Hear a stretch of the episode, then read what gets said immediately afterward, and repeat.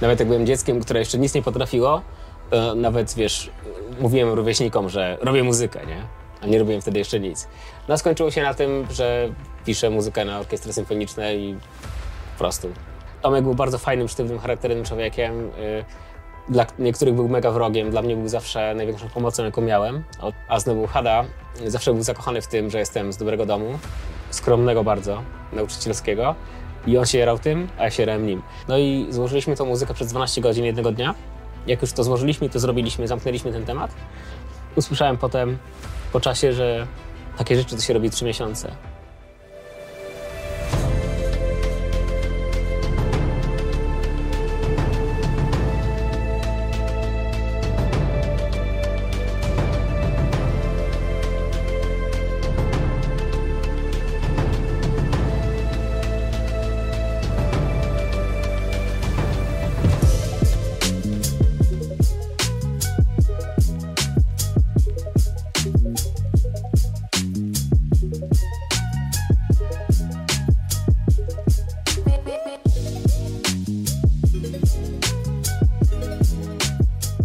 Cześć widzowie, jesteśmy z Rafałem Sielawą. Przyjechaliśmy tutaj do Ciebie, Rafał, do Mławy, e, tak zwany Rafał, czyli Erix Produkcja. Jak najbardziej. Cześć, siemaneczko. Miło się spotkać w ogóle po takim czasie, bo tak Jak naprawdę historia jest taka, widzowie, że Rafał nam kiedyś pomógł, jak zaczynaliśmy z takim drobnym kanałem. Ten kanał jest już nieaktywny, ale potrzebowaliśmy tam takiej drobnej muzyczki, która nazywa się jingle na samym początku do intro i Rafał się zdecydował to zrobić. Byliśmy w szoku, że odpisał, że zdecydował się na to. Ty masz tak w zwyczaju, Rafał, pomagać e, w ogóle mm, ludziom, pomagać takim startującym kanałom, młodym przedsiębiorcom i we wszystkie takie tematy.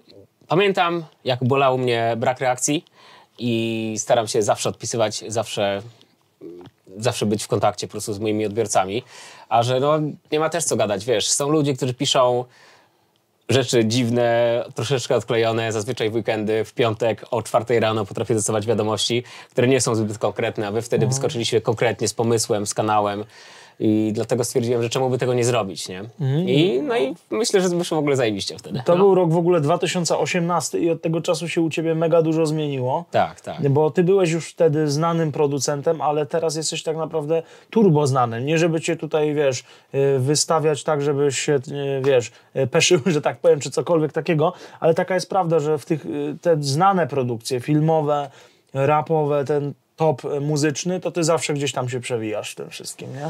No miło mi słyszeć, że tak myślisz, ale faktycznie jakoś samo z siebie to wychodzi, wiesz, po prostu w- faktycznie no filmy, które udało mi się robić, to są dwie jedynki na Netflixie i mam nadzieję, że teraz e, kolejny film, który zrobiłem będzie taką trzecią i myślę, że będzie. E, Na produkcje rapowe, no to po prostu zawsze trafiało się osoby, które były mega zaangażowane w hip-hop. Ja tak samo, dlatego cokolwiek byśmy nie zrobili, to musiała być dobra mieszanka wybuchowa, dobrej zajawki, wiesz, dobrego serducha i, i faktycznie zawsze robiło to mega wyniki, chociaż nikt nigdy o tym nie myślał, bo to nie były czasy jeszcze kart na czasie YouTube'a, wiesz, po prostu Tak. robiliśmy rap, a to, że to się tak fajnie przyjęło, to, to jest po prostu, mogę po prostu być wdzięczny odbiorcom, że dobrze to, wiesz, odbierali to, co robiliśmy i po prostu poszło, A nie? jak to się w ogóle zaczęło u ciebie? Pierwszy numer yy, i czy tak wiedziałeś, że się potoczy ta kariera, czy to po prostu gdzieś tam na spontanie było? Jak te pierwsze dni wyglądały? Ach, no nie, zupełnie nie myślałem o tym w ten sposób. Yy, Ogólnie moja historia jest bardzo daleko idąca, ponieważ jestem wychowany w bardzo muzycznej rodzinie, która nie, nie była zawodowymi muzykami. Tak? Mój tata śpiewał w chórze Uniwersytetu Gdańskiego, moja mama grała na gitarze, też śpiewała, więc było bardzo muzykalnie, ale rodzice są nauczycielami, byli nauczycielami, emerytowanymi obecnie tata świętej pamięci. To dla ciebie, tato. I po prostu jakoś wyszło to zupełnie naturalnie, że zamiast kołysanek tata puszczał mi Bacha z winyli jeszcze, to urodziłem się w 1985 roku, pamiętajcie, że to jest tak dawno temu. E, Słuchaliśmy muzyki z winyli Beatlesów, e, Jean-Michel Jarre to był dla mnie największa inspiracja taka, która w ogóle była, jak byłem dzieckiem. I tak naprawdę nie do końca jestem w stanie powiedzieć, dlaczego chciałem być muzykiem. Jakoś była to dla mnie zupełnie naturalna droga, szczególnie ten Jean-Michel Jarre i te brzmienia, które on robił na syntezatorach y, analogowych, to było coś, co w ogóle wykraczało poza jakiekolwiek możliwości mojej wyobraźni. znałem klasyczne instrumenty, fortepiany, jakieś, wiesz, skrzypki i tak dalej, ale kurde, to co robił wtedy Jean-Michel Jarre na syntezatorach analogowych w latach 80. to był kosmos. No i zamiast kołysanek miałem puszczone to. Naturalnie to musiało po prostu gdzieś tam, wiesz, wsiąknąć we mnie. I nawet jak byłem dzieckiem, które jeszcze nic nie potrafiło, to nawet, wiesz, mówiłem rówieśnikom, że robię muzykę, nie? A nie robiłem wtedy jeszcze nic. I kiedy pojawiły się pierwsze komputery typu, pierwsze komputery typu, nie wiem, akurat Amiga, bo to, była, to był taki komputer, który był u nas w domu jako tak naprawdę drugi po Atari, ale Amiga była takim komputerem, która potrafiła e, już otworzyć cokolwiek, e, kogokolwiek na muzykę. To były programy typu ProTracker, to są tak stare czasy, że jakbyście zobaczyli, jak to wyglądało, to byście nie uwierzyli, bo to było praktycznie zapis, zapis cyfrowy. E, w sensie, że zapisywało się cyferkami muzykę. I na tych ProTrackerach robiłem pierwsze swoje utwory, kiedy miałem naprawdę lat, nie wiem ile, 7, 8, 9, 10. I to były utwory, które były w ogóle asłuchalne i to było w ogóle nic, ale po prostu dążyłem jakoś tam gdzieś do tego celu, żeby to jakoś tam wyszło. No skończyło się na tym, że piszę muzykę na orkiestry symfoniczne i po prostu jakoś to, jakoś to tak wygląda. Była to zupełnie naturalna droga, bez patrzenia na jakiś tam nawet cel. Bez patrzenia na cel, szczególnie finansowy, co będę podkreślał tysiąc razy w tym wywiadzie. Po prostu miałem marzenia, żeby spełniać siebie samego i żeby być docenionym jakoś. I zaczęło się bez kitu od takich prostych melodii na komputerach typu Amiga, a skończyło na tym, co jest dzisiaj, na muzyce filmowej. Właśnie rzecz w tym, że nie każdemu wychodzi. Ludzie próbują, też chcą być producentami, raperami, ale może szybko się poddają, albo nie ma w tym pasji, albo właśnie zależy im za bardzo na pieniądzach. E, jak ty myślisz, czemu tobie akurat tak to wyszło? Szczęście, e, czy zapał, dyscyplina? Myślę, że to mogę naprawdę przyznać, że dla mnie to jest misja życiowa od początku do końca i to zabrzmi pompatycznie strasznie, ale jeżeli umarłbym dzisiaj gdzieś tam w szpitalu, pisząc sobie nutki na kartce i nikt by mnie nie znał, to byłbym szczęśliwy, dlatego że pisałem tę muzykę i szedłem tą drogą. E, a jeżeli umarłbym w Hollywood i bym był pochowany tam, gdzieś tam na jakimś cmentarzu dla zasłużonych, byłbym praktycznie tak samo szczęśliwy, bo muzyka była taką drogą od zawsze, od zera do końca, od zera do końca i obojętnie, czy wygram, czy przegram, obojętnie. A ludzie za bardzo skupiają się na tym, żeby mieć jakiś sukces. Sukces szczególnie finansowy, co jestem w stanie zrozumieć, ale jakoś ja zawsze patrzyłem na to, że y, finanse nie dadzą mi ta, tak dużej satysfakcji, jak spełnienie. To jest, to jest może dziwne dziś, ale faktycznie uważam, że da się zapłacić yy, duszy w czymś innym niż polskie złote. Wiesz, to jest y, też trochę tak, że ty jesteś doceniony przez siebie, ale też doceniony przez innych, bo nawet jak rozmawialiśmy wcześniej, to miałeś różne doświadczenia. Niektórzy nie szanowali twojej pracy, mimo że płacili dobrze, a teraz jest ona i dobrze płatna, i bardzo szanowana, więc chyba też to docenienie ze strony ludzi jest ważne i czasem też hejt dotyka, nie? Tak, ale to jest tak naprawdę... Yy, to było aż głupie, żeby na przykład, nie wiem, robiłem muzykę 15 lat, dokładając do niej i nie miałem większego poklasku. Robiłem bity hip-hopowe, gdzie osoby, które kończyły szkoły muzyczne się z tego śmiały, twierdziły, że to jest nic fajnego, widziały wyświetlenie na YouTubie, bolało i mówiły, że to jest nic wielkiego, jednak te wyświetlenia, że to nic nie daje. A faktycznie po jakimś czasie udało się złapać y, taki moment, że uzyskałem duży sukces finansowy i mogę żyć na bardzo fajnym poziomie, naprawdę, tylko i wyłącznie z muzyki, to jest bardzo ważne. Y, no to, no to, no to straciłem wątek. No, mówiłeś o tym, że po prostu teraz jesteś w tym miejscu, że zarabiasz z tego, co lubisz, a wcześniej robiłeś przez 15 y, lat tak. Y, praktycznie to, tak, wiesz, od, od bitu do bitu. Nie? Dokładnie, że ty dokładasz jakby do tego cały czas i ludzie pomyślą sobie, kurde, to po trzech latach rezygnuję z tego.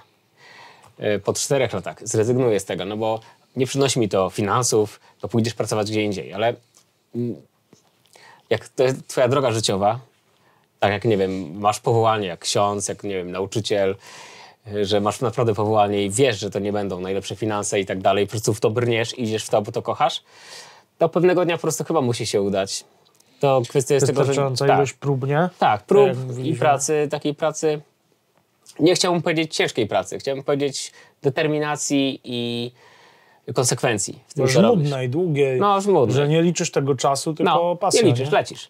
Lecisz do przodu. Czy, tak jak mówię, czy 20 lat to będziesz robił i się okaże, że umrzesz z niczym, czy 20 lat to będziesz e, robił i umrzesz w Rolls Royce, to jest nieważne, bo ro, robiłeś to, co chciałeś robić. Chciałeś robić muzykę od A do Z, od 0 do 1. Aha.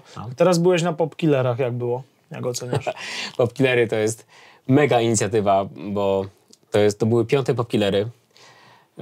To jest inicjatywa Mateusza Natalii, który jest chodzącą encyklopedią polskiego hip-hopu i zagranicznego hip-hopu całego. Gościu, który, ach, to jest człowiek legenda, tak myślę. I zaczęło się od jego małego pomysłu, żeby zrobić tak naprawdę dyplomy, e, które rozdał nagrywając e, filmiki. E, A skończyło się na tym, że mieliśmy piątą edycję już po pięciu latach. Edycję, w której zrobiliśmy to w hali Expo, gdzie było mnóstwo ludzi przekrojowo, od youtuberów przez oldschoolowców do newschoolowców i do najróżniejszych innych talentów, fotografów.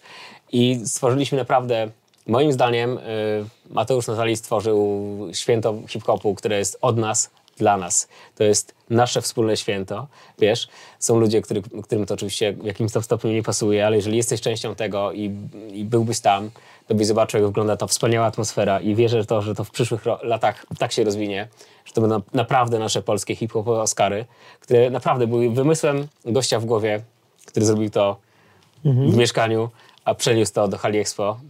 Naprawdę, która zrobiła szał. To, był naprawdę, to była naprawdę... Ty tam wręczyłeś statuetkę Malikowi Montanie za Tak, dwa, dwie statuetki. dwie statuetki. Tak, Za? y, za najlepszego rapera ulicznego roku.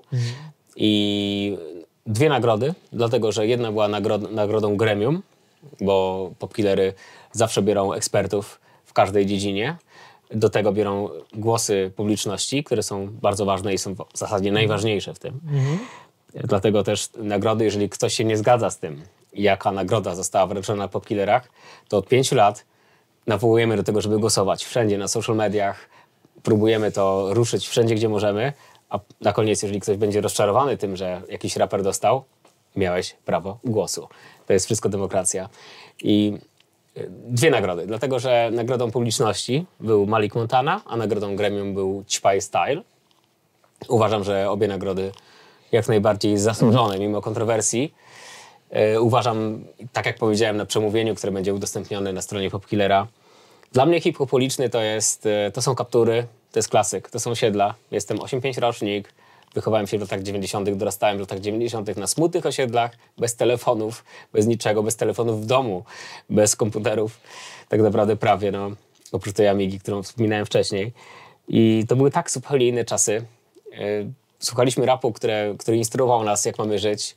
Starsi, starsi ludzie, starsi raperzy, starsi goście z Warszawy opowiadali o problemach.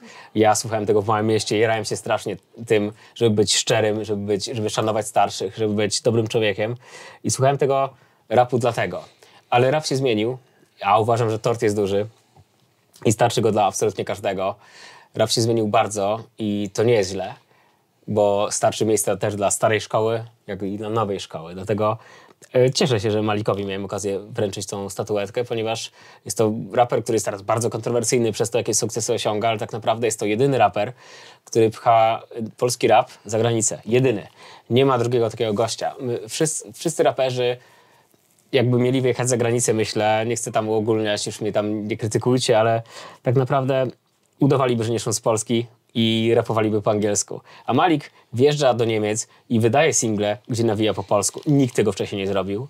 I to jest naprawdę niesamowite, że uda się pchnąć polski język dalej, który nie jest łatwym językiem, którym się kiepsko rapuje tak naprawdę i który jest naprawdę asłuchalny dla ludzi za granicą. A on jednak to zrobił i próbuje to zrobić, dlatego mega, to jest mega wkuj szanuję. No i w, oprócz tego, że featuringi, które on zdobywa, to są kosmiczne featuringi, naprawdę pcha tą kulturę, czego ludzie może nie do końca widzą, kiedy on nagrywa numery, które są bardzo jakieś takie w sensie, wiesz, komercyjno-nośne, nie? Które są dyskotekowe. Ludzie na to patrzą, ale nie znają jego twórczości wcześniej. My się poznaliśmy mega dużo czasu temu, nie wiem, z 8 lat temu, kiedy on nagrywał rap. Mój ulubiony numer Malika to są Ludzie z gór o jego przodkach, którzy... stary, no. Tak, to jest bardzo stary numer, tak, Sentino. No tego już nikt nie pamięta dzisiaj, wiesz, tylko my, myślą o jagodziankach w Gucci, no bo jasne, jak najbardziej to rozumiem, ale cieszę się, że akurat Malikowi mogę to wręczyć, bo, bo wiem, jaką drogę przeszedł i miło mi bardzo, że ja, oldschoolowiec, mogłem wręczyć tą nagrodę gościowi, który faktycznie zrobił ten shift cały w tym ulicznym hip-hopie. To jest zupełnie inna muzyka. Ci ludzie z gór, Prada, czy tego typu No. e, tam e, Prozac, tak, te wszystkie, te wszystkie starsze nuty, ale ty jako ten weteran doceniłeś tak naprawdę tutaj Tak, jak- Malika jak swoim no. słowem, bo mogłeś różnie się zachować, zwłaszcza w obliczu tych kontrowersji. Jasne, tak. Ja dostałem oczywiście bardzo dużo jakichś tam dziwnych wiadomości, wiesz, yy, na temat yy, pluciu w twarz Tomaszowi Hadzie przez, przez tą nagrodę i tak dalej, co jest oczywiście, no cóż, bzdurą, no. E, To już musiałby Tomek wstać z grobu, żeby wszystkim przekazać to, co... Jak ty się, Rafał, czujesz, jak ktoś, kto, sprzed komputera nie znał Tomka, mówi o nim, a ty znałeś go przecież No, tyle czasu. właśnie tak, że, że nie, jestem, nie, jestem, nie mam za złe, bo, bo ludzie myślą, że hip-hop naprawdę jakby, kurczę, i jak byłem młodszy, jak byłem młodszy, to jarały mnie strasznie konflikty, chyba jak każdego, tak, jakieś tam nawet małe mecze między jedną wioską a drugą, ktoś grał w piłkę, jarałeś się, kurczę, miałeś 16 lat, wydawało ci, że jesteś chuligancem stulecia. No to ja tak miałem trochę w rapie, jak był beef y, TD, obrońcy tytułu Gipki Bon Skład, tak się jarałem w ogóle tym beefem, czułem się jakbym był chuliganem hip-hopowym, a tak naprawdę miałem stary chyba z 16 lat, co ja mogę wiedzieć. Im starszy jestem, tym bardziej wiem, że chciałbym, żeby ta muzyka faktycznie jednoczyła, a nie tylko nie, nie chcę tylko o tym mówić, tylko chciałbym, żeby tak faktycznie było. Bo wiem, że po czasie te beefy, te disy, to nie ma żadnego znaczenia. I tym bardziej, jeżeli taki, wiesz, Malik y, wyrzuca to tak mocno za granicę, łatwo krytykować jego sukces, ale tak naprawdę on robi to dla naszej kultury, dla wspólnej kultury.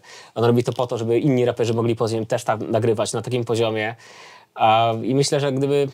Ciężko mi powiedzieć, wiesz, za Tomka, ale cała ta krytyka faktycznie jest, wiesz, yy, krytykują ludzie, którzy nasłuchali się dużo tekstów. Myślą, że, że, że to jest jedna wielka wojna, a nie jest. Muzyka No, nie jest wyścigiem, tam, nie? nie jest żadną wojną.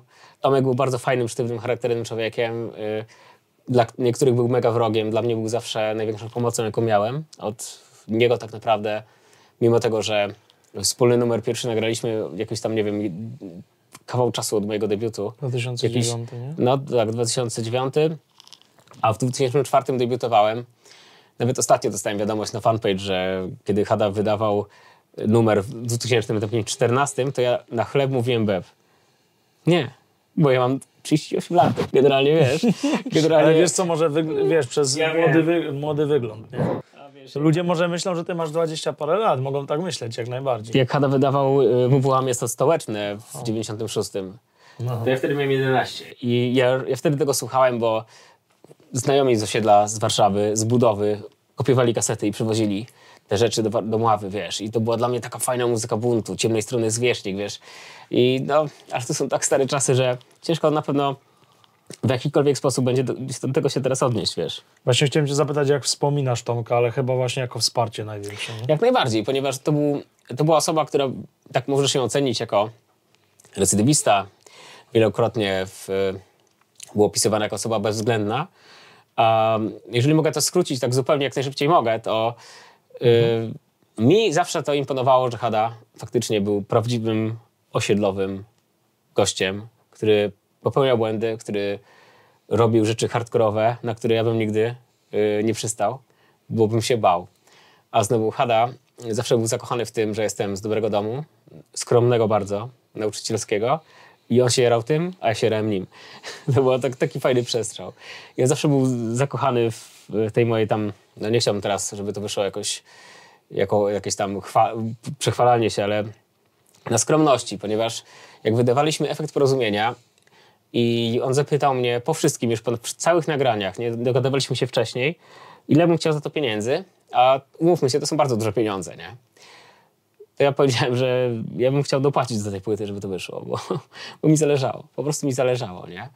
Szczerze mi zależało. I jak on to usłyszał, to dostałem najlepszy kontrakt, jaki w życiu dostałem od kogokolwiek, ponieważ on się wstawił za tym i, i pierwszy raz wtedy w życiu, tak naprawdę po 10 latach od debiutu, mogłem dostać takie pieniądze, że mogłem kurczę, kupić rodzicom prezenty na gwiazdkę takie, o jakich zawsze marzyli i naprawdę nie stopować się w tym. a potem się zaczęło to tylko rozwijać. To był jedyny człowiek, który tak mocno wstawił się za tym, żeby faktycznie, żeby mnie miał fajnie. I, I to było to, no. No ale to wiesz co, to taką prawdziwość pokazuje bardzo dużą, nie? Że ty nie udawałeś zaś jakiegoś ulicznika wielkiego, a on nie udawał dobrego chłopaka, dobrego chłopca, że tak powiem, nie? Grzecznego.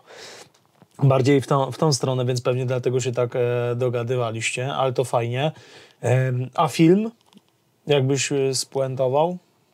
Film to takie, taka dłuższa historia, bo y, film jest produkcją firmy Global Studio i jakby osobiście uważam po latach, że wszystko jest w tym filmie spoko. Y, byłem bardzo zaangażowany w promocję, bardzo wierzyłem, że to będzie taki wielki super pomnik. Czy jest, czy nie jest, to już nie wiem. To już myślę, że to każdy po prostu widz powinien ocenić. Y, Byłem zakochany w tym pomyśle, żeby zrobić pomnik, ponieważ y, to było bardzo szybko po, po jego śmierci. I stałem się tak, wiesz, chciał nie chciał trochę twarzą tego, bo bardzo w to wierzyłem. Myślę, że ten film jest spoko. Wiadomo, że ciężko pokazać e, całą historię tylko przez dwie godziny, tam 30 czy tam dwie godziny z hakiem i tak ten film był bardzo długi. Ale ogólnie uważam, że pokazał bardzo fajnie drogę, którą wtedy w latach 90. było trzeba przejść, gdzie wy- wyskoczyłeś na scenę, coś porapowałeś i znajdował się jakiś gość, jakiś tam gościu, który myślał, że będziesz robił disco polo, proponuje mu y, Kobiety są gorące, Norbiego. On się gubi w tym wszystkim, bo chciałby robić rap prawdziwy, ale nie za bardzo jest jakby gdzie to wydawać. Mm, No i myślę, że historia jest opowiedz- opowiedziana fajnie. Y, Co prawda bardzo w skrócie i fabularnie. To nie jest film dokumentalny. Y, No tak, tak. Jak się ktoś burzył, to myślę, że nie do końca rozumiał koncepcję tego filmu, ale tak jak mówię, też nie chciałbym do końca bronić, ponieważ nie miałem żadnego wpływu na scenariusz, nie miałem żadnego wpływu na to w ogóle, jak ten film wygląda. Zobaczyłem go w finalnej wersji tak jak był i moim wyborem było, czy zrobię do niego muzykę, czy nie. Jak go zobaczyłem, to naprawdę mi się spodobał, stwierdziłem, że tak, zrobię. Znaczy, w ogóle historia jest jeszcze śmieszniejsza, że powiedziałem, że nie zrobię, bo muzyka, która była tam podłożona w oryginale, uważam, że się działa super. Ale wszyscy spojrzeli na mnie, wiesz, czy ja jestem z kosmosu? Nie chcesz spróbować? Nie. Uważam, że jest okej. Ale nie, spróbuj, nie? Ustawiliśmy się kilka dni później w studiu w Warszawie, gdzie ja jestem naprawdę, mam niską samoocenę, uważam się za gościa z mojego miasteczka i nie czuję się super jadąc do stolicy, nie czuję się, że jestem rekinem, który tą stolicę zdobędzie. Jedziemy do studia, gdzie taki sprzęt jak tam był, to ja mogłem sobie tylko pomarzyć i mamy złożyć film. Film, pełnometrażowy film, normalnie, który będzie latał wszędzie, w Anglii, w Polsce, w Holandii, w Europie, w Stanach. A ja wziąłem jeden pendrive z muzyką. No i złożyliśmy tą muzykę przez 12 godzin jednego dnia. Jak już to złożyliśmy, to zrobiliśmy, zamknęliśmy ten temat. Usłyszałem potem po czasie, że takie rzeczy to się robi trzy miesiące, a my to zrobiliśmy w jeden dzień. Ja o tym nie wiedziałem, bo ja po prostu zajawkowo hip-hop robiłem zawsze, do przodu. I każdego dnia poświęcałem dużo czasu. Nie wiedziałem, że muszę być fafarafa madafaka i udawać, że będę to robił teraz trzy miesiące, kombinował. Nie, zrobiliśmy to w jeden dzień. I to był ten moment, kiedy docenił, myślę, te umiejętności Michał Węgrzyn i, i Wojtek Węgrzyn, z którym mieliśmy wtedy okazję pracować nad tym. I do dzisiaj dlatego mamy fantastyczny przelot, super współpracę i no mega nam się pracuje i mega szanujemy się, mamy mega prywatne kontakty w ogóle. Zaczęło się od czegoś takiego, nie? Takiego jakby przypadku pracy w studiu, gdzie myślałem, że każdy tak robi, że wchodzisz, podkładasz muzyczkę i wychodzisz. Nie, okazało się, że to było coś naprawdę, wiesz, odkrywczego, no. Gdzie ja o tym nie wiedziałem. Jak, y, jak się czegoś nie da zrobić, to musi przyjść ktoś, kto nie wie, że tego się nie da zrobić i to zrobić. To jest tak. No i do dzisiaj właśnie, do dzisiaj działamy. wiesz. A powiedz mi tak, czy ty się czujesz, że czujesz, że doszedłeś na szczyt? Czujesz coś takiego? Że już y, ten jakiś limit osiągnąłeś, już nie wiesz y, co dalej? Nie, tak, tak, tak to może nie. Jeżeli mogę coś powiedzieć fajnego, to ja nigdy nie miałem ambicji takich mega, żeby wybudować willę. Nigdy nie miałem ambicji, nigdy nie, moim marzeniem nie było siedzenie na plaży i pić drinków. Nigdy do tego nie dążyłem w żaden sposób. Dlatego nie czuję też, że doszedłem na jakiś szczyt, bo szczyt dla mnie to było debiutowanie w 2004. To było coś takiego, wiesz, że ja robiłem sobie po prostu muzykę i bez żadnych w ogóle znajomości, a uwierz mi, kurde, to jest praktycznie niemożliwe. Wysłałem demo po prostu, kompakt do tego, pocztą zwykłą, normalnie, na kompakcie dużym, wiesz. I długo nie odpowiadał i w końcu napisał mi SMS-a, nieznany numer, że cześć, z tej strony wiesz, że bierze ten beat. No i to był dla mnie szok. I to był dla mnie mój szczyt, bo to był ten moment, kiedy przebiłem tą barierę, wiesz, i udało się to jakoś wydać. A jeżeli chodzi o ten szczyt, to moim szczytem jest bycie wolnym dzięki muzyce. Nie mam ambicji, właśnie tak jak mówię, wiesz, mógłbym się spinać, mógłbym wziąć samochód w leasing nowy, mógłbym wziąć nową eskę w leasing, musiałbym wtedy za nią płacić raty i mógłbym nagrywać codziennie na Instagramie, że wow, mam now, nową eskę. Wow, to nie jest problem wziąć auto dzisiaj na wynajem długoterminowy. Ja chciałbym mieć wolność i mimo tego, że jestem zawodowym tłumaczem i korwetę kupiłem z bycia zawodowym tłumaczem y, ze specjalizacją owoce morza i ryby, y, rynek skandynawski. Y, zrezygnowałem z tego, chociaż praca była super, serdecznie pozdrawiam całą ekipę, to zrezygnowałem do wolności, wiesz, bo żadne pieniądze nie dadzą ci tego, że jeżeli masz zły dzień, gorszy dzień, czy nawet lepszy dzień, nie możesz go spędzić tak, jak ty chcesz, ponieważ jesteś uwiązany gdzieś tam jednak, w pracy, w kontraktach, w kredytach. Nie chciałem tego. I dlatego nie mam żadnych kredytów, dlatego, a mógłbym mieć, mógłbym kupić mieszkanie w Warszawie i na to pracować, ale najbardziej zależało mi na tym, żeby być zupełnie niezależnym, zupełnie wolnym. Także jak mam ochotę o godzinie 12 Odpalić piwo to mogę, nikt mi nie powie, bo mogę. Jeżeli mam ochotę kupić mamie kwiaty o godzinie 10 odwiedzić, mogę. Jeżeli mam ochotę grać w gry cały dzień w niedzielę, co zrobiłem ostatnią niedzielę, od 8 rano do 23 grałem i rozwijałem swojego smoczego rycerza w Elder Scrolls Online, to mogę. I to jest, myślę, największe zwycięstwo, wiesz? To jest ten szczyt. Bo jeżeli chodzi o jakiś szczyt, na przykład, nie wiem, osiągnięć filmowych, to moim marzeniem byłoby zrobić film z Christopherem Nolanem, ale wiesz, on robił Incepcję, to jest taki artysta z takiej, z takiej wysokiej puli, że nigdy mi się to nie uda najprawdopodobniej, nawet chociaż nie wiem, co bym zrobił. Nie mam takiego nazwiska, nie mam takiego doświadczenia, no ale to był powiedzmy jakiś mój szczyt marzeń, żeby zrobić coś w Hollywood. No ale po prostu umówmy się, no, nie w tym życiu, nie? To nie ma co się nawet łudzić. Ale moim szczytem to jest wolność i skitu. To mhm. jest to. Nie? Ale taki styl życia może wiele osób bol boleć. Powiedz mi, czy dużo znajomych potraciłeś i kiedy oni zobaczyli, że ty możesz wstać o 12, wypić piwo i a oni nie? Tak, y, to jest y, najsmutniejsza historia bycia, odniesienia, y, odnoszenia sukcesów, że nie patrz na to, jak wrogowie patrzą na twój sukces, tylko patrz na to, jak przyjaciele patrzą na twój sukces. Dlatego moim jednym przyjacielem obecnie jest mój brat, bo chociaż ja niczego takiego wielkiego nie mam, nie? Ja nie mam, wiesz, tak jak mówię, nie mam nawet własnego domu. Ja mam skromne bardzo mieszkanie, które odziedziczyłem i to mieszkanie miało remont, nie wiem, w 2004-2005 i takie jest do dzisiaj. Oprócz mojego akcentu, ale może potem wspomnimy. I tak naprawdę mi to pasuje. Ja nie mam aspiracji, żeby musieć, nie wiem, żebym miał ogromny dom i ogromne jakieś kolumny złote. Chociaż jakbym się uparł i zastawił wszystko, to mógłbym. Ale tylko nie wiem po co. Nie wiem, czemu miałbym to robić. Chciałbym naprawdę żyć skromnie, normalnie i w zgodzie sam ze sobą. I może to brzmi jakoś, kurde, dziwacznie na dzisiejsze czasy. Ale tak naprawdę osiągnąłem wszystko, co chciałem, mając obecnie dwa stare Jaguary, które tak naprawdę każdy normalnie pracujący, pracująca osoba może kupić. No i korwetę, którą kupiłem, którą mam od 14 lat i to było moje spełnienie marzeń jako tłumacz. Kupiłem ją, jak miałem 25 lat, 1938. Mam nadzieję, że dobrze trafiłem z tą matematyką 14-letnią, 13-14 jakoś. I to ona cały czas sobie stoi w garażu, nie robi kilometrów. Niczego więcej od życia nie chciałem, żeby mieć naprawdę y, dach nad głową. No i samochody zawsze kochałem i mam trzy stare fury mhm. i nie mam nowej eski za pół bańki, ale, ale mam naprawdę pewne szczęście we wszystkim codziennie. Jak wstaję rano, i, i się budzę i jak zamykam oczy, to, to, to jest ok. A ten akcent, o którym mówiłeś w mieszkaniu? No, akcent, o którym mówiłem w mieszkaniu jest może trochę kontrowersyjny, ale y, dużo znajomych cisnęło mi za to, że faktycznie jak jestem taki wielki kompozytor i coś zarabiam i coś robię, to może powinienem zrobić remont mieszkania. I miałem kompleks straszny na tym, na tym punkcie, serio, no bo zapraszasz ludzi, znajomi mówią, o, tu się nic nie zmieniło od pięciu lat. Bolało bolało, bo mówię, kurczę, no nie zmieniło się faktycznie, może powinienem coś zrobić. No to stwierdziłem, że zrobię i zrobiłem sobie e, sypialnię moich marzeń, która jest pewnie jedną z lepszych sypialni tutaj w okolicy. Stwierdziłem, że sobie włożę wszystko i zrobiłem taki kurde cudny pokój, a reszta mieszkania wygląda jak PRL.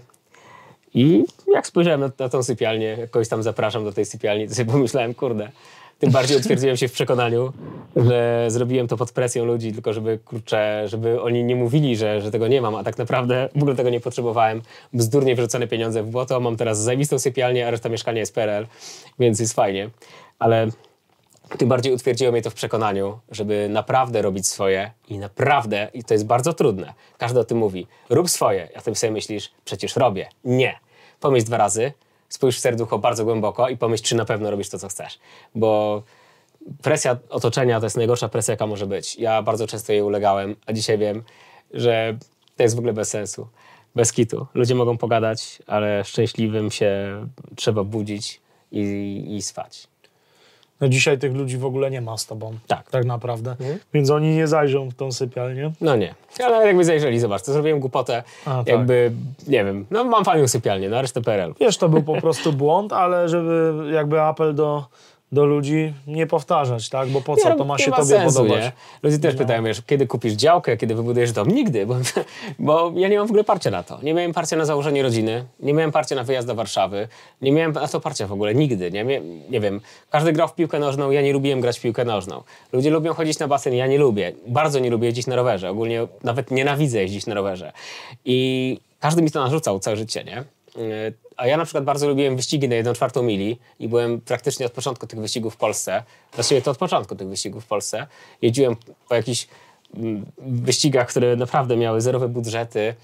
Yy, bardzo się jarałem wyścigami równoległymi, ale moi znajomi nie. No i dla mnie to jest dziwne, że oni chodzą na basen, a dla nich to było dziwne, że ja jeżdżę oglądać samochody, które jedą prosto. Wiesz, Różnica postrzegania. Jasne, ale dlaczego ci ludzie chcą mi wcisnąć basen, a ja im nie próbuję wcisnąć tych wyścigów? Wiesz, oni próbują cię zepchnąć do siebie, tak jak nie patrzą na twoją, na twoją indywidualność, że jesteś, może być inny.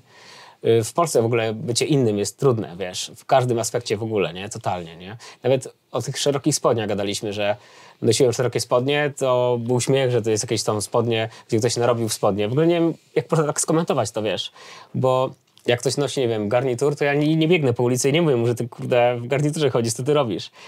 Be yourself, zawsze, kurde, totalnie, bądź sobą, nie? Mhm. No więc odciąłeś takie osoby, które tam nie pasowały po prostu do ciebie jako osoby. No tak, ale to było bolesne, bo wydawało mi się, że to są osoby, które zawsze przy mnie będą, które mnie wspierają, yy, ale nie, nie były takie osoby, to były jakieś dziwne pijawki, ale na koniec właśnie o to chodzi, że it's lonely at the top, że zostajesz sam i zostajesz sam, naprawdę zostajesz sam w tym, nie? Mhm. A jak kobiety u ciebie? Sprawy z kobietami. Pytam zarówno takie związkowe rzeczy, ale tak może po płytce, jak nie chcesz wchodzić głębiej, ale też o No. takie e, fanki twoje. E, Przeróżne. No, to jest temat na, myślę, dodatkowy dokument po 23 50 twarzy Erixa. Wiesz co?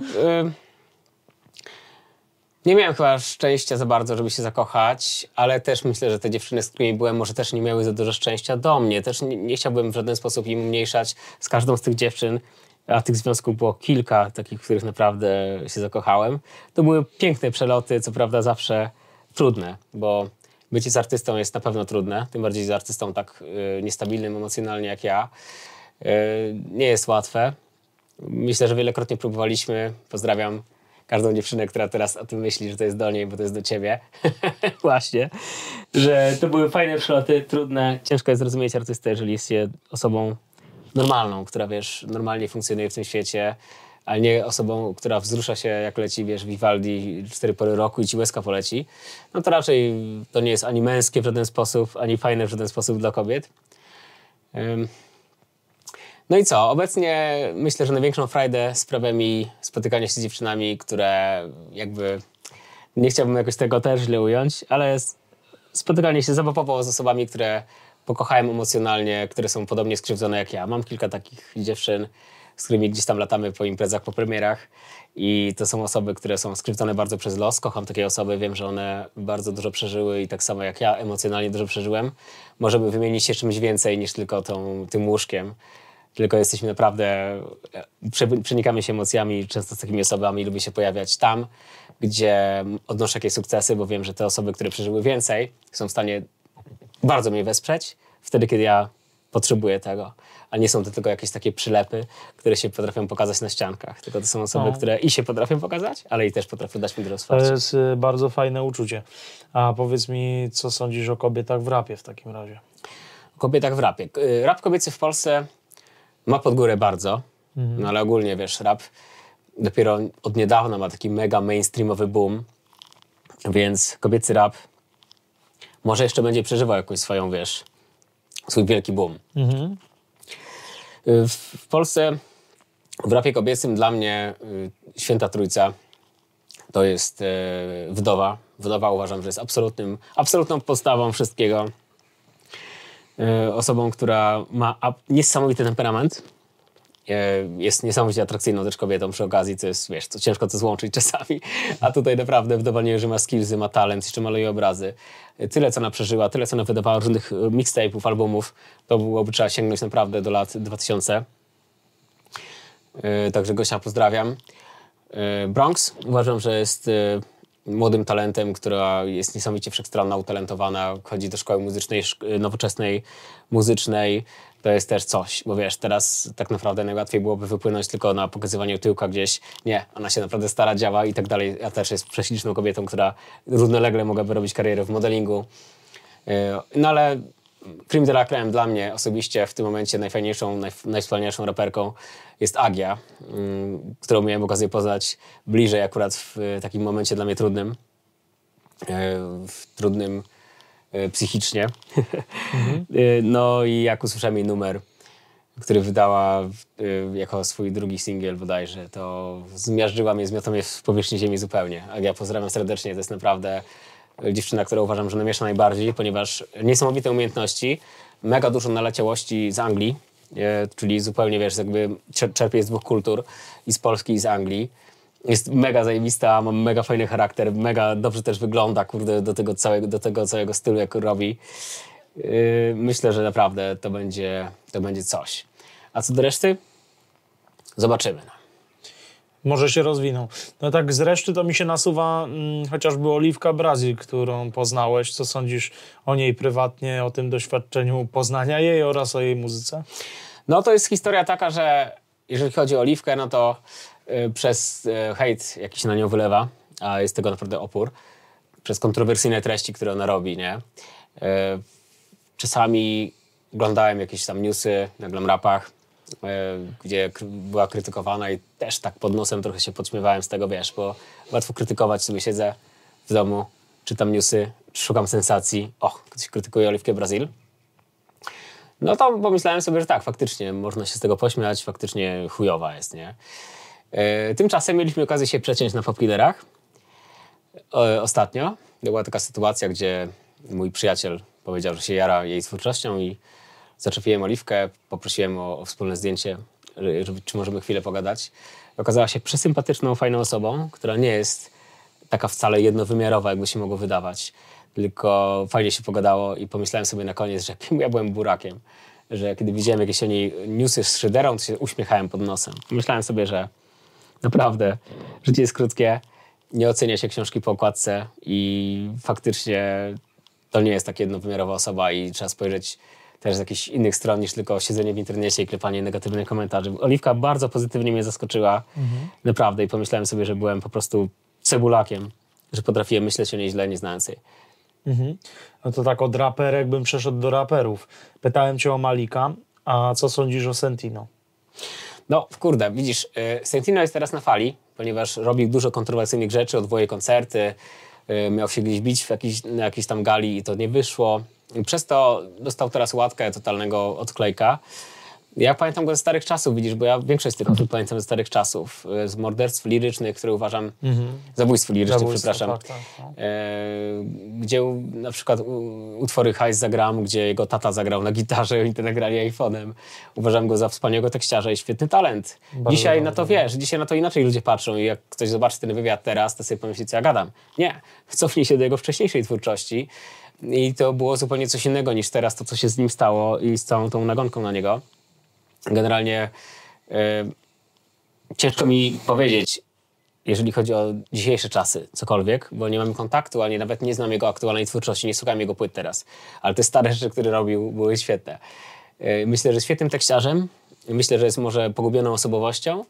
I też, jako że jestem gościem, który miewał różne problemy, jeżeli chodzi o, wiesz, o, o przeloty psychiczne, to też łatwo się z tego śmiać, a myślę, że dla niego to jest dużo trudniejsza sprawa i trzymam kciuki, żeby, żeby wszystko się poukładało fajnie dla niego, bez Tak samo się wypowiedziałeś też o e, Dicho, że się poznaliście. Jakie masz zdanie o Dicho? Nie no, z Dichem to też tam. No właśnie, cały, cały temat polega na tym, że teraz oni obecnie mają, są bardzo znani. Malik w wywiadzie powiedział, że kiedy oni zrobili te pierwsze pomysły warszawskie z Bałagane i to ich każdy krytykował, bo to było dawno temu. I każdy myślał, co wy robicie w ogóle? To jest jakiś zupełnie inny przelot, w ogóle to jest jakieś pojebane, jakieś tam, wiesz, Tak. przypinali im łatkę jakichś tam, nie wiem, narkomanów, melanżerów i w ogóle jakiś głupot.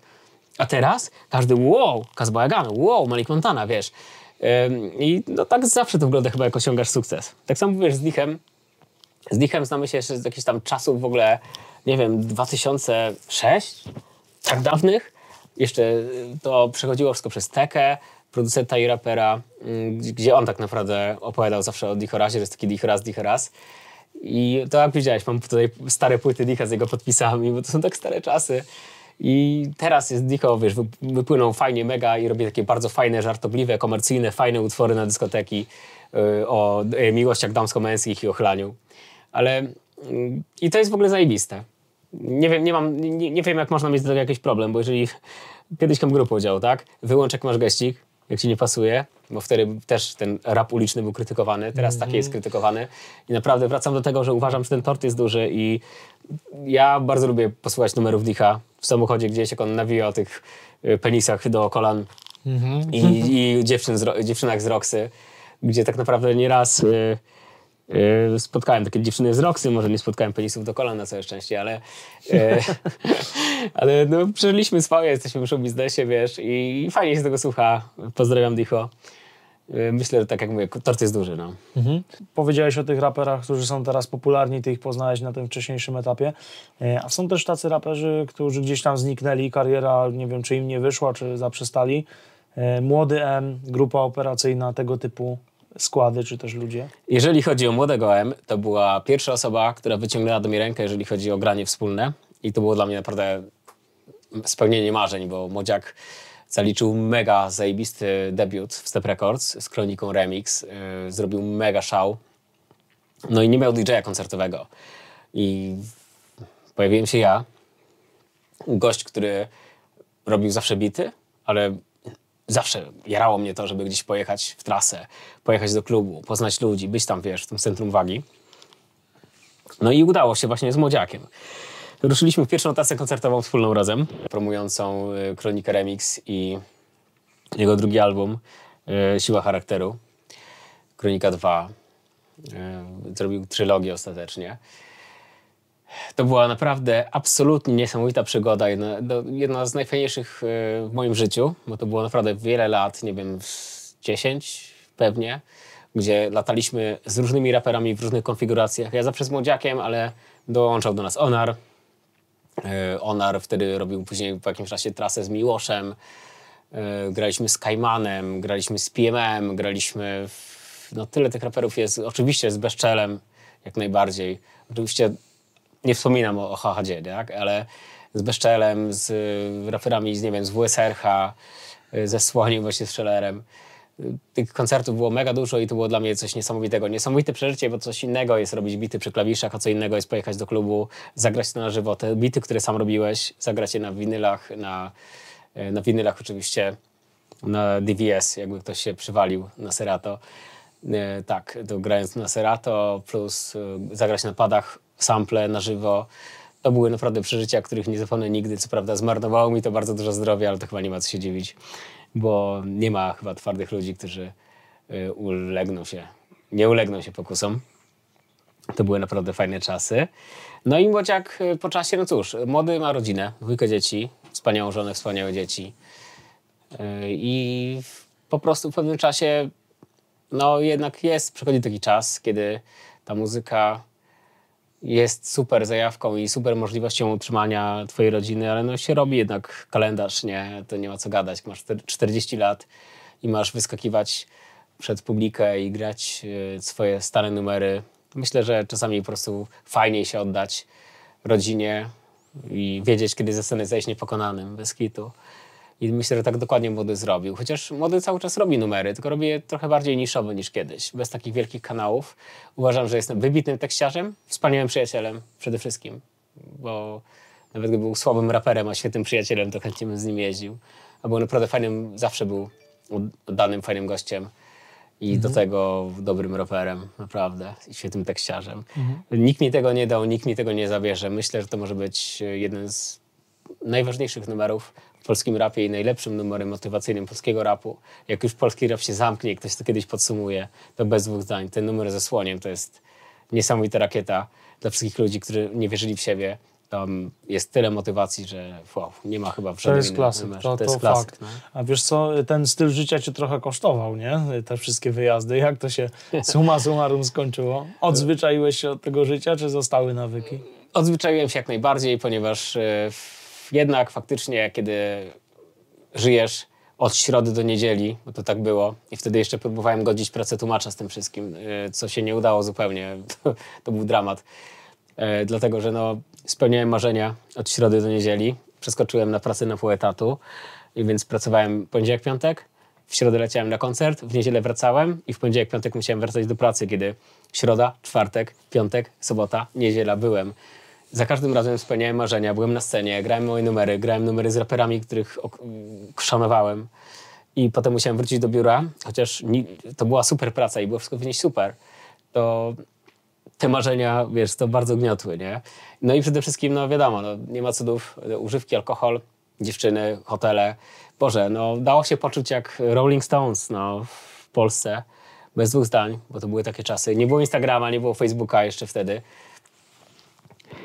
Także to też są takie czasy, że ciężko troszeczkę, e, ciężko troszeczkę to może wam nadążyć za tym, ale to były takie czasy, gdzie bez to co robiliśmy w hotelach, to co robiliśmy na imprezach, na afterach, e, tego nikt, nikt, nie rejestrował, bo nie było czym. Ym, No i to były fajne czasy. Przepłaciłem zdrowiem? Tak, jak najbardziej. Yy, Dlatego też teraz, jeżeli mógłbym docenić jakiś weekend z kimś, czego wcześniej chyba nigdy bym nie powiedział, to chciałbym docenić to z osobą, która nawet jest szaloną dziewczyną, jasne, ale jednak od piątku do niedzieli nie wychodzimy z sypialni, oglądamy Netflixy, robimy różne szalone rzeczy, ale siedzimy jednak spokojnie na miejscu i skupiamy się na sobie i na swoim szczęściu, a niekoniecznie na tym, żeby gdzieś błyszczeć, bo faktycznie fajnie błyszczeć, ale jeszcze fajnie jest y, czuć, że gdzieś masz z kimś tam wspólny dom, nawet jeżeli to jest przez jeden weekend. Jakaś kobieta prawdziwa by się na pewno przydała tutaj w twoim życiu. A powiedz mi, jak to z tymi, które chcą tak błyszczeć? Dużo tych lepów? Tak, ale też to nie, nie, mogę, nie mogę jakoś mocno skrytykować tego, no bo jest faktycznie dużo takich dziewczyn, e, pisało do mnie nawet mm, konkretnie dwie dziewczyny z takich pierwszoligowych programów e, telewizyjnych, gdzie domyślam się, że nie jestem dla nich żadnym kąskiem, ponieważ ja mam te 168 cm wzrostu, nie wyglądam jak kulturysta. Myślę, że jak one ćwiczą, bo ćwiczą, miałyby większą łapę ode mnie. Więc nie jestem w stanie uwierzyć w ich miłość, ale z drugiej strony no miło mi, że doceniają. To ci powiem, że jest trochę tych chlepów, ale z drugiej strony co się dziwić, nie? Mamy taki, takie czasy, jakie mamy, gdzie świat jest szybki, każdy chciałby coś ugryźć na wszystkim i co mam się im dziwić, nie? Że myślą, że może by miały we mnie jakieś oparcie takie, żebym mógł zafundować im jakieś fajne życie. A ja jestem bardziej nastawiony emocjonalnie, więc ja bym chciał dać im więcej serca, ale kto by nie chciał mieć, wiesz, jachtu na Bahamach. To są dziewczyny, które jeżdżą po świecie i na Instagramie wrzucają relacje, ale nigdy nikogo nie oznaczają i nigdy nie wiadomo, kto je nagrywa na tych plażach, jak pokazują te swoje piękne ciało. Ja bym chętnie podzielił to jakoś, ale tego się nie da podzielić. Masz Bo- jakieś takie doświadczenia z nimi? Może nie z tymi dwoma, ale ogólnie z Jasne, tego? tak, pewnie. Mam jak najbardziej i w sumie to wiesz, no, kiedyś byłem zły, bo próbowałem tym dziewczynom przekazać więcej e, serca, one nie chciały tego serca, ale w sumie to nie mogę dzisiaj mieć pretensji do nich, bo wydaje mi się, że po prostu one szukały czegoś innego niż ja i ten czas, który mieliśmy razem był super i, i po prostu się minęliśmy w oczekiwaniach, wiesz? Mhm. Bez kitu. One love, zero hate. E, A powiedz mi, z którym raperem najgorzej ci się współpracowało? No powiem ci, że jeżeli rap jest taką zajawką dla mnie, to tak naprawdę byłem dużo w stanie znieść. E, Jeżeli chodzi o kaprysy raperów, nie było ich wiele, ale miałem kiedyś taką sytuację, będą strzały w powietrze, nie chciałbym jakby nikogo obrażać, sery One Love, ale był raper, który straszliwie marodził. Niełatwo mi się przyjmuje krytykę. E, Wiem, ile mam doświadczenia Wiem po prostu, ile kosztowało mnie to, że równolegle ze normalną szkołą musiałem chodzić od 16 do szkoły muzycznej, nie grałem w piłkę przez to, więc yy, jakby osiedle naturalnie odrzucało mnie w jakiś sposób, bo chciałem być zawsze muzykiem, muzykiem, muzykiem, muzykiem. Rodzice mieli taką ambicję, ja też. Yy, no i w pewnym momencie, jak już tak przerobisz te 20 lat na legalach, a tak naprawdę to całe swoje życie, 30 lat w muzyce, raper yy, krytykuje coś, co robisz, co wiesz, co robisz, że robisz to bardzo dobrze, i mówi, że chciałby zmienić, e, e, że te skrzypce, które zrobiłem, są takie straszliwie słabe. A mówię, o, tam nie ma skrzypiec. Tylko tam była gitara klasyczna, dwunastostrunowa, taka, ja dokładnie pamiętam ten mo motyw. I to była gitara, która nie była aż tak mocno gitarą klasyczną, ale ewidentnie to była gitara, tylko pan, panu raperowi się nie spodobało i nawet nie wiedział co. I to jest krzywdzące, bo tak naprawdę ja się nie, nie przypieprzyłbym do jego wersów, które były na kolanie wpisane rymy częstochowskie, a on się przypieprzył do, do kogoś, kto jakby 30 lat, całe życie poświęcił muzyce, gdzie to jest, idzie z tym edukacja, on po prostu sobie pisze na kolanie i, i to było bardzo smutne, krzywdzące i ostatecznie ten numer nigdy nie wyszedł właśnie przez jego kaprysy. Obecnie na całe szczęście już y, ta osoba nie zrobiła żadnej kariery większej. Zrobiła boom w pewnym momencie, już teraz jej nie ma i bardzo dobrze dość bezczelne tak yy, krytykować nie, nie, twoją bo, pracę. Nie, nie, bo raperom się wydaje, że kurde mogą wszystko pisząc kurwa coś w zeszycie na kolanie, a no nie patrzy cię na to. no. o tą kulturę raperów, bo gdybym sam nie przeżył tego liz, liznąć, że tak powiem, trochę tą kulturę, no to bym sam nie uwierzył, jak hamskie środowisko to potrafi być, jeśli chodzi o raperów. Przynajmniej ja mam takie mm, doświadczenia. Oczywiście nie wszyscy, nie generalizuję, E, ja miałem doświadczenie akurat z organizacją eventów w branży. No wiadomo, że to nie jest takie doświadczenie, jakie ty masz. Pełne spektrum wszystkich praktycznie tutaj y, tych raperów. Ale jakie ty masz zdanie o ich kulturze osobistej, kulturze ja, pracy? Ja nie mogę powiedzieć zbyt dużo złego, wiesz, bo mhm. y, takie fajne i populistyczne i dobre do wyświetleń byłoby, żeby skrytykować, że to są jakieś tam chamy czy coś, ale nie są. Mhm. Y, mi się pracowało w zasadzie z każdym super.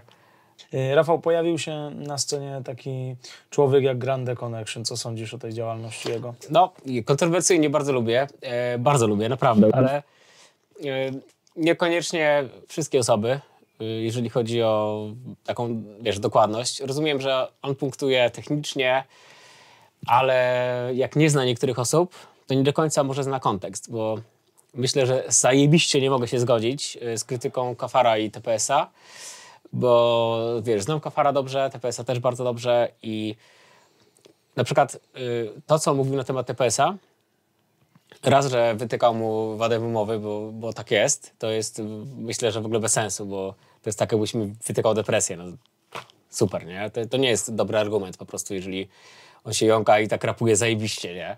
Wszystko zawsze w punkt, wszystko zawsze równo, wszystko zawsze spoko. E, to TPS... Y, nie rapuje, bo kurwa, Grande y, piętnuje osoby, które promują patologię, a TPS nie.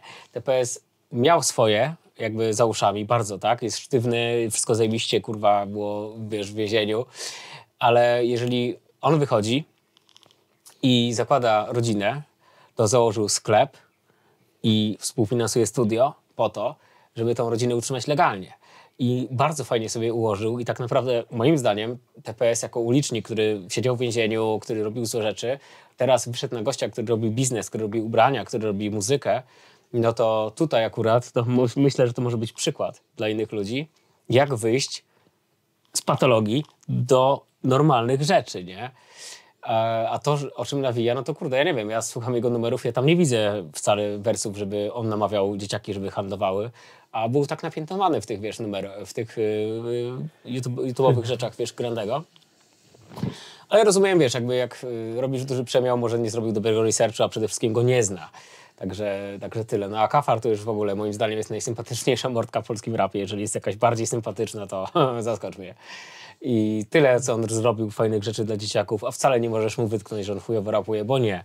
E, nie możesz mu wytknąć żadnych rymów częstochowskich, nie możesz. I to było takie trochę, wiesz, zaczepka, zaczepka myślę w stronę, wiesz, yy, w Steparmi.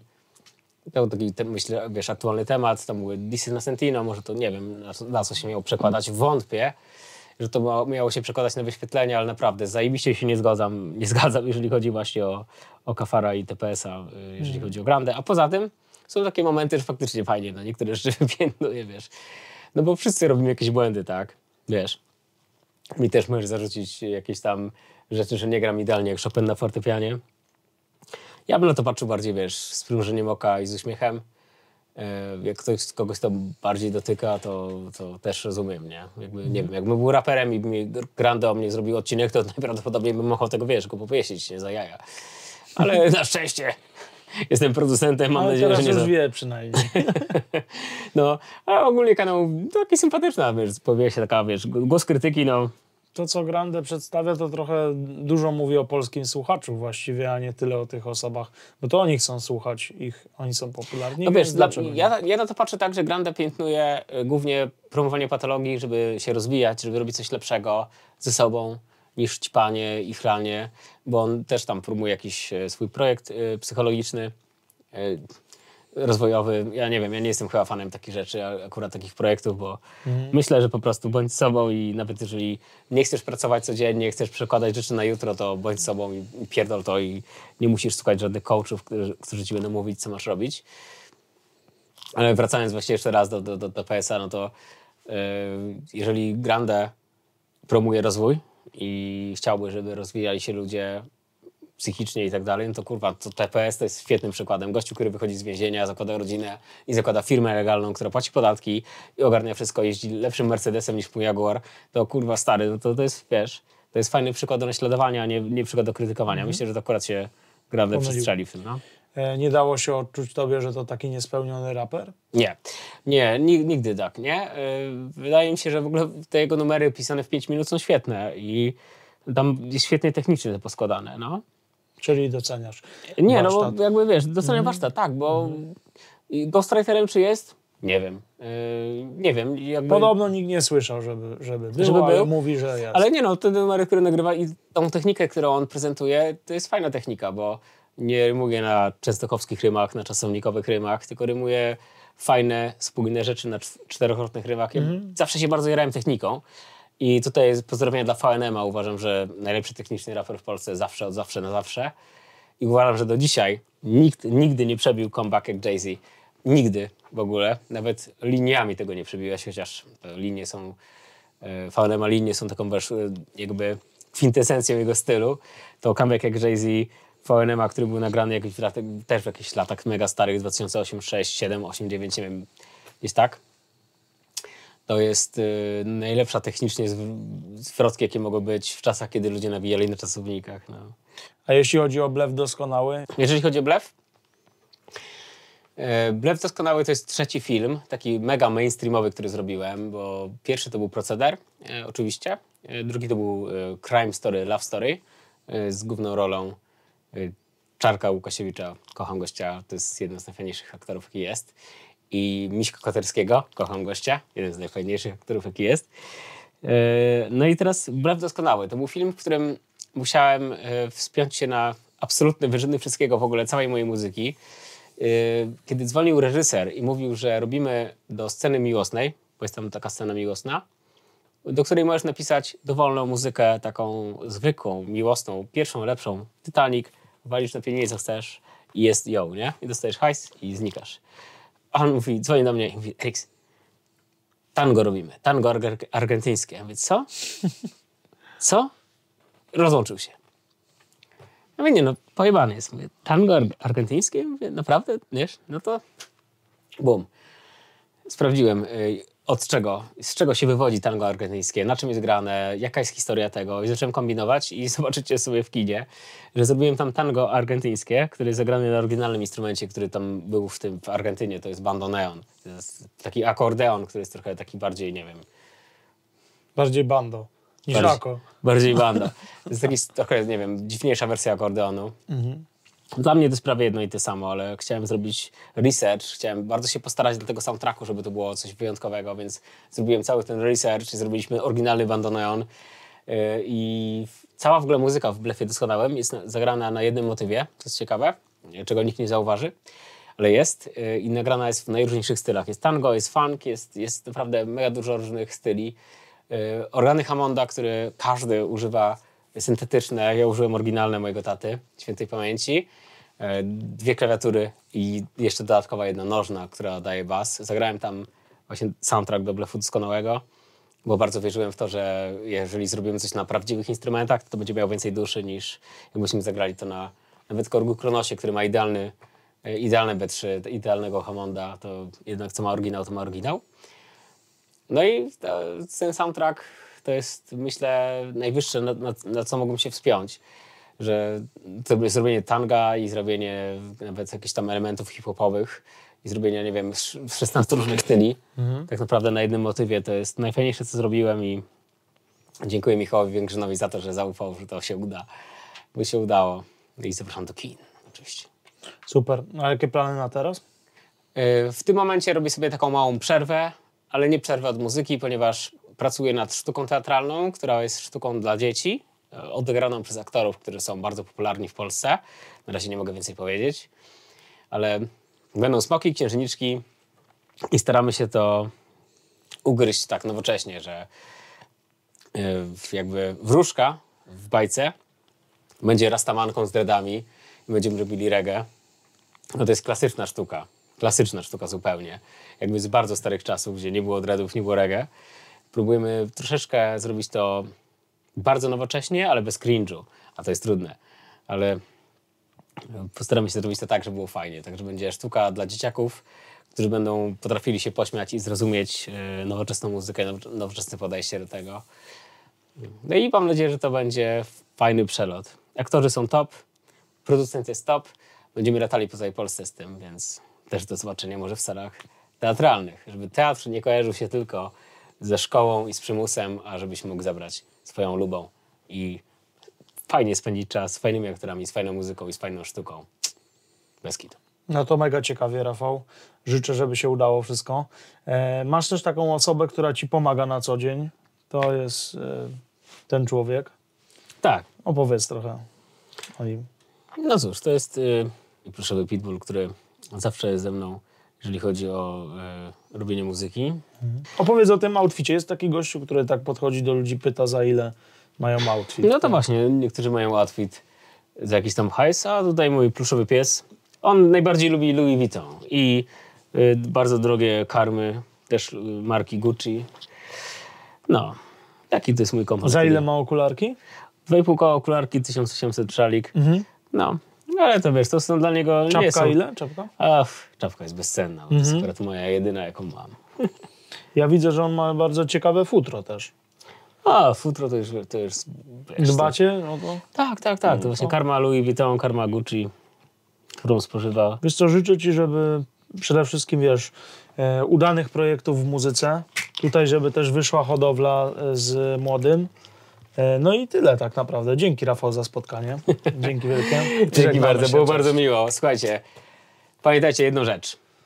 E, nie gońcie za kimkolwiek, nie gońcie za czyimkolwiek zdaniem, nie gońcie za żadnym wyścigiem szczurów. Pomyślcie sobie, jak chcecie, żeby wyglądało wasze życie. Jeżeli chcecie mieć duży dom i tyrać do niego do końca życia, róbcie to. Jak chcecie mieć super Porsche, żeby pokazać znajomym, róbcie to. Jeżeli chcecie mieć skromny dom, pełen miłości, róbcie to. Każdy ma swoje miejsce na tym świecie. Tort jest duży, starczy dla każdego. To jest dla mnie bardzo ważne, żebyście o tym wiedzieli bez kitu. Każdy z nas ma miejsce na tym świecie. Róbcie tak, żebyście obudzili się i chodzili spać szczęśliwi. To jest najważniejsze, bo życie jest krótkie. Cześć Eryk, cześć. Cześć, E, słuchaj, mam dla ciebie coś mega fajnego i dla twojego przyjaciela, czyli... Mhm. Czyli kawkę. Sprawdza, czy dobre, tak? No. No, to Fajnie. jest nasza kawka. Dzięki dla bardzo. ciebie najmocniejsza, dla młodego, żeby rósł dobrze i bezpiecznie. Fajnie, dzięki, bardzo. będę, będę działał, kocham kawę, także zajebiście.